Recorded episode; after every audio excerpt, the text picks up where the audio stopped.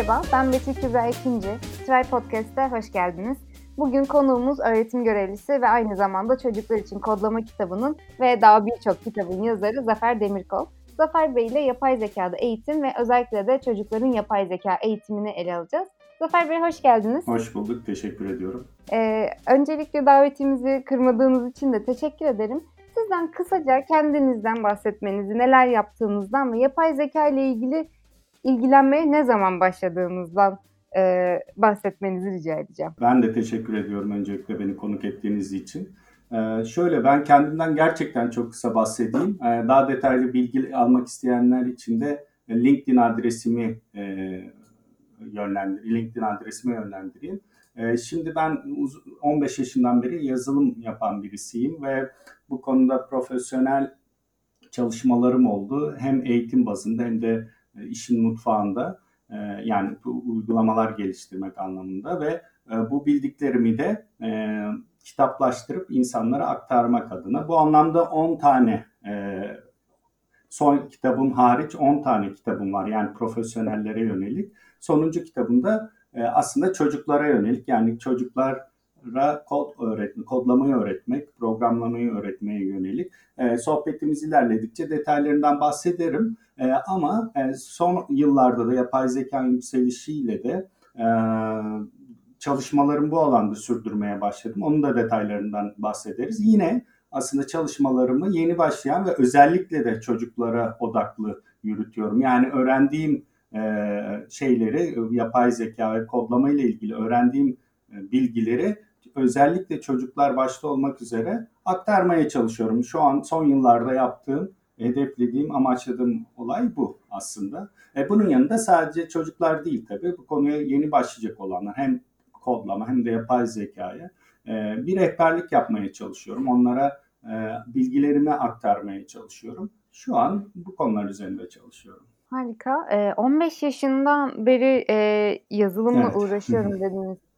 Eee, o zaman tabii yapay zeka bu kadar gündemde değildi. Eee, siz ne zaman yapay zeka ile ilgilenmeye başladınız? Valla ben e, aslında o zamanlar yapay zeka değil kodlama da bu kadar e, revaçta değil. Daha doğrusu e, çok bilinmiyordu. Dünyada da Türkiye'de de. E, dolayısıyla konsept konularda aslında kaynak da çok zor bulunuyordu. Ancak hani büyük Amerika'daki büyük firmaların veya kurumların e, kaynakları olabiliyordu bu konuda. Yapay zeka da her ne kadar çok eski bir konu da olsa yani 40-50 yıllarda başlamış olsa da bu konularda çalışma yine hiç bilinmeyen ve hatta son 10 yıla kadar da e, bilinmeyen bir konuydu çoğu kişi tarafından. Son 10 yılda e, ne oldu? İşte deep learning teknolojileri, derin öğrenme teknolojilerinin devreye girmesiyle bizi şaşırtan e, yapay zeka uygulamalarının devreye girmesiyle ve artık yapay zekanın bir opsiyon değil de e, artık e, bir paradigma olduğunu yani bütün işlerin temelinde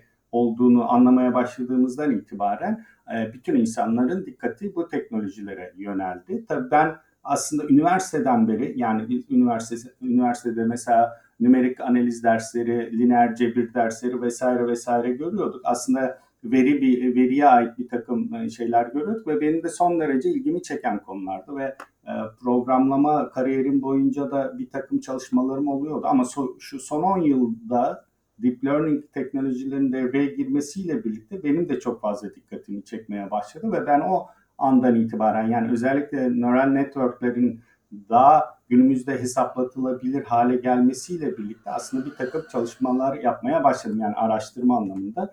O dönemden bu yana da aslında öğrenmeye devam ediyorum. Yani bunun sonu yok. Ee, hiçbir zaman hani öğrendim bitti ya ben biliyorum diyemiyorsunuz. Sürekli öğren bir öğrenme modu içindeyim yani. Hala pek çok şey öğreniyorum ve öğreneceğim de bu, bu konularla ilgili. Hem kodlama hem şeyle ilgili. Ama bu e, zamanda yani öğrendiğim süreç boyunca da bildiklerimi, öğrendiklerimi mümkün olduğu kadar e, hem yeni başlayanlar hem de çocuklara onların anlayabileceği bir dille aktarma çabasındayım. Ha bunu ne kadar yapıyorum e, bilemiyorum. Ha sadece tabii öğrendiklerim değil bu konularda aktarırken de içerik üretmeye çalışıyorum. Yani hem e, diğer insanların e, oluşturdukları ve benim diğer insanlara faydalı bulduğum içerikleri paylaşmaya çalışıyorum. Hem de kendim içerik ve araçlar oluşturmaya çalışıyorum. Yani sadece makale yazmak, kitap yazmak değil. Mesela programsal uygulamalar da geliştiriyorum. Mesela hem bunu çocuklar için kodlama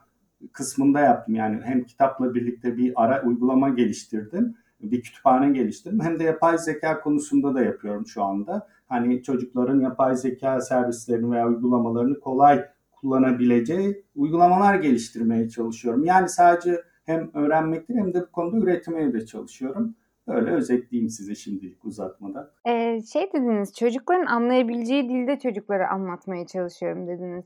Çocukların e, eğitimi nasıl olmalı? Nasıl yapay zeka ya da kodlama, bu geleceğin teknolojileri dediğimiz konular hayatlarının bir parçası, eğitimlerinin bir parçası olabilir. Bu öğrendiklerini hayatlarına nasıl dahil edebilirler? Şimdi tabii burada e, yaş grupları çok önemli. Belirli bir yaş grubuna göre kesinlikle ve kesinlikle oyunlaştırma ve onların dikkatini çekecek görsel unsurların devreye veya e, materyallerin devreye girmesi lazım. Bu her konu için e, bu materyaller ve unsurlar var. Mesela programlama veya kodlama için renkli bloklar yani blok dediğimiz e, şeyle karıştırılmasın. Yani bu makale yayınladığımız değil de hani şey, kare, dikdörtgen vesaireyi puzzle'a benzeyen bloklarla bir takım algoritmalar geliştirmesini vesaire yapmasını, antrenmanlarını yaptırtıyoruz.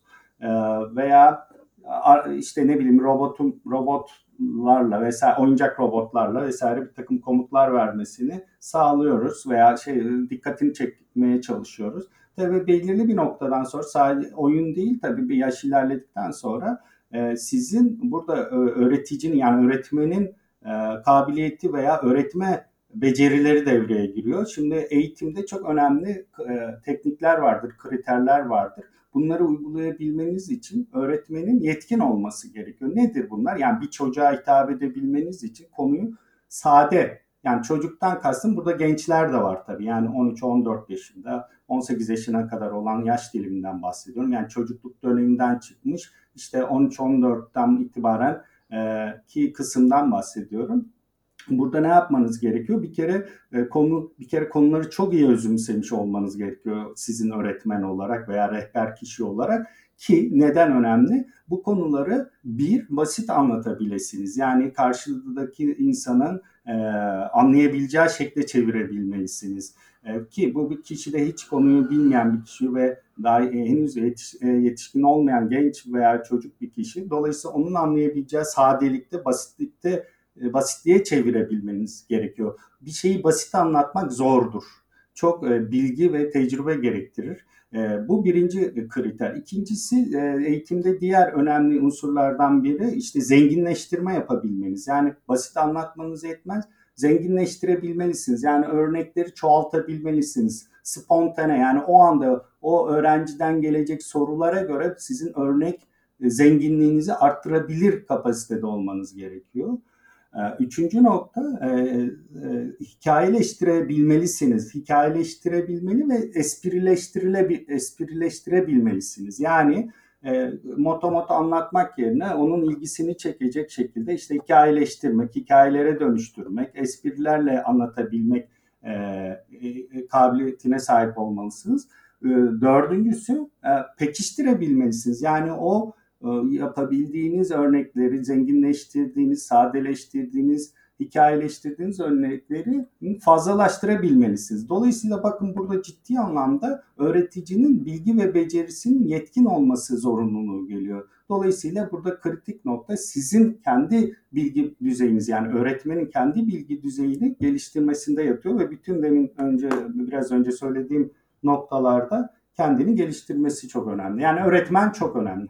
Eee, bir de şey diye konuşuyoruz ya hep, yapay zeka bizim hayatımızı, günlük yaptığımız işleri değiştirecek. Hatta gelecekte bunlar çok çok çok daha farklı olacak. Eee, bütün kullandığımız araçlar yapay zekâyla, eee, ilintilendirilmiş olacak diyoruz. Ama aslında çocuklar için bu bir değişim değil, kendi gelecekleri ve gerçeklikleri aslında. Siz nasıl yorumluyorsunuz bu konuyu? Çocuklarla ilgili düşündüğümüz zaman nasıl ilişkilendiriyorsunuz? Evet, aslında bir önceki soruyla da biraz bağlantılı. Şöyle, yani eğitimde e, şöyle demin saydım hani eğitimde kritik noktaları.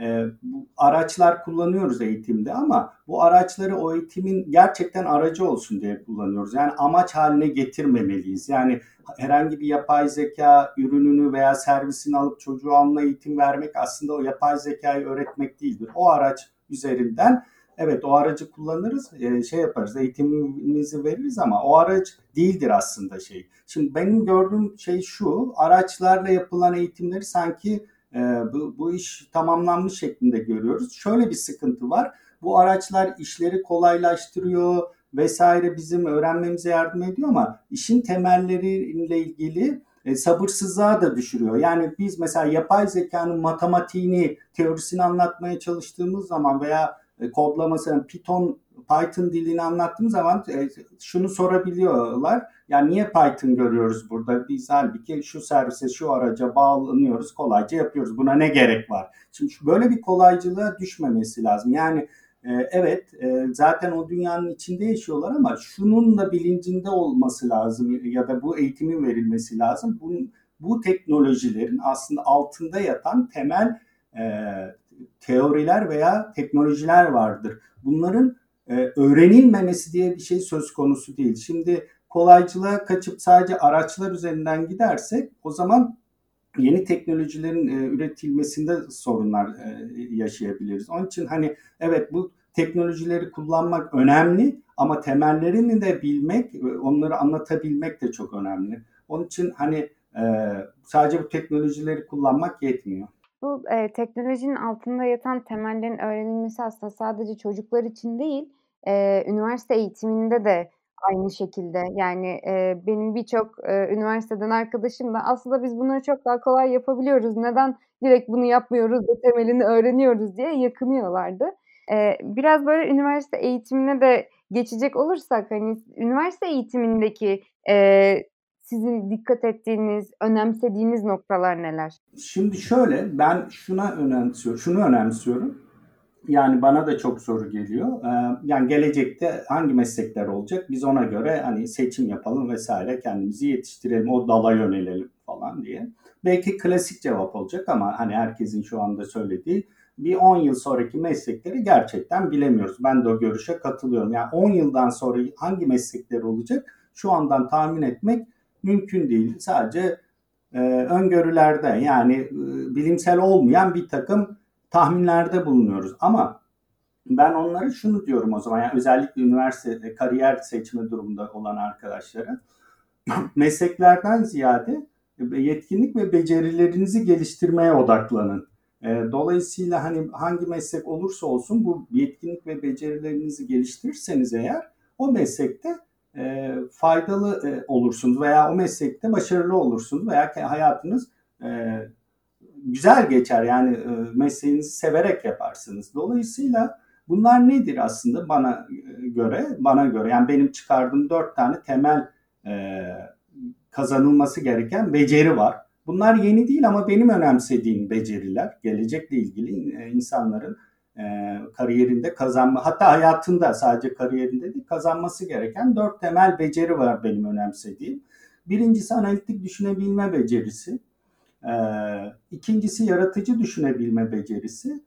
Üçüncüsü birlikte çalışabilme becerisi. Dördüncüsü ise kendi başına öğrenebilme becerisi. Yani öğrenmeyi öğrenmek de deniyor buna veya öğrenebilme becerisi de deniyor. Şimdi bu dört ana başlıkta becerileri geliştirmenin e, eğitimi yapılabilir, antrenmanı yapılabilir. Yani bunlar eğitilerek, e, antrenman yapılarak geliştirilebilecek beceriler. Mesela birlikte çalışabilme metodolojileri anlatılarak, bunlarla antrenmanlar yaparak insanlar birlikte bir şey üretebilir. Dünyanın dört bir yanındaki kişilerle dil, din, ırk farkı olmadan.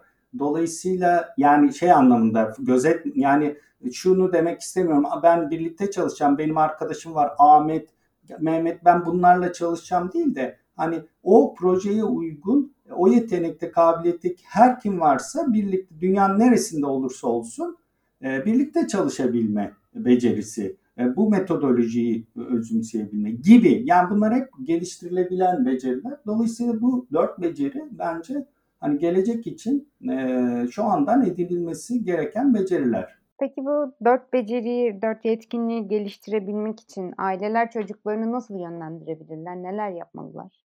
Yani tabii burada sadece aileler değil, örgün eğitim kurumları ve e, kişinin kendisine de iş düşüyor. Yani özellikle kişinin kendisine yani e, öğrenci veya e, bu beceriyi geliştirecek kişinin kendisine çok işler düşüyor. Tabii öğretmen ve kılavuz kişilere de iş düşüyor. Burada neler mesela analitik düşünebilme için ne antrenmanları yapılabilir mesela veya neler yapılabilir hemen yani şu yetmiyor sadece. Hadi analitik düşünelim, yaratıcı olalım, birlikte çalışalım, kendi başımıza öğrenmeyi öğrenelim. E, bunu demek yetmiyor. Bunlara nasıl yapacağımızı da aslında söylememiz gerekiyor. Ben mesela hemen açıklayayım. E, neler yapabiliriz mesela analitik düşünme becerimizi geliştirmek için? En basit işte demin konuştuk. Programlama veya kodlama yapmak veya bunu erken yaşta başlamak aslında analitik düşünce becerilerini geliştiren bir etkinliktir. Yani biz programlama veya kodlamayı çocuklara anlatırken zaten sintaks anlatmıyoruz. Yani herhangi bir dile bağlı anlatmıyoruz. Biraz e, evvel söylemiştim. Görsel bloklarla anlatıyoruz. Mühim olan orada çocuğun veya e, yeni başlayanın algoritma mantığını kurgulayabilmesi. Aslında algoritma dediğimiz şey bütün hayatımızda kullandığımız bizim aslında e, iş yap yani planlamalarımız. Yani algoritma dediğimiz bir işi en ince detayına kadar planlayabilme becerisi aslında. Siz bunu bir programlama özelinde e, antrenman yaparsanız yani ve anında bunun tepkilerini alırsanız yani yanlış bir şey yaptıysanız program çalışmaz, doğru yaptıysanız çalışır. Bunun anında görürsünüz.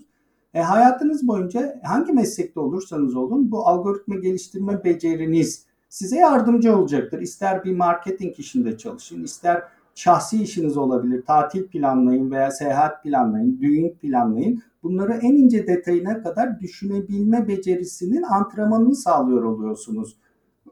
Kodlama veya programlama geliştirme çalışmalarında. Aynı şekilde matematik, felsefe, ne bileyim satranç, münazaralar e, gibi etkinlikler hep analitik düşünme becerilerini geliştiren etkinlikler. Ee, yine mesela yaratıcı düşünmeye ile ilgili neler yapabiliriz? Mesela yaratıcı düşünmeyi sanat, e, matematik eğitimini sanatla birleştirebiliriz. Ne bileyim hata yapmaktan kaçınma korkumuzu yenebiliriz. Yani fikirlerimizi söylerken vesaire. Bunlar hep yaratıcı düşünme antrenmanlarıdır. Mesela birlikte çalışın demek yetmiyor. Neler yapabiliriz?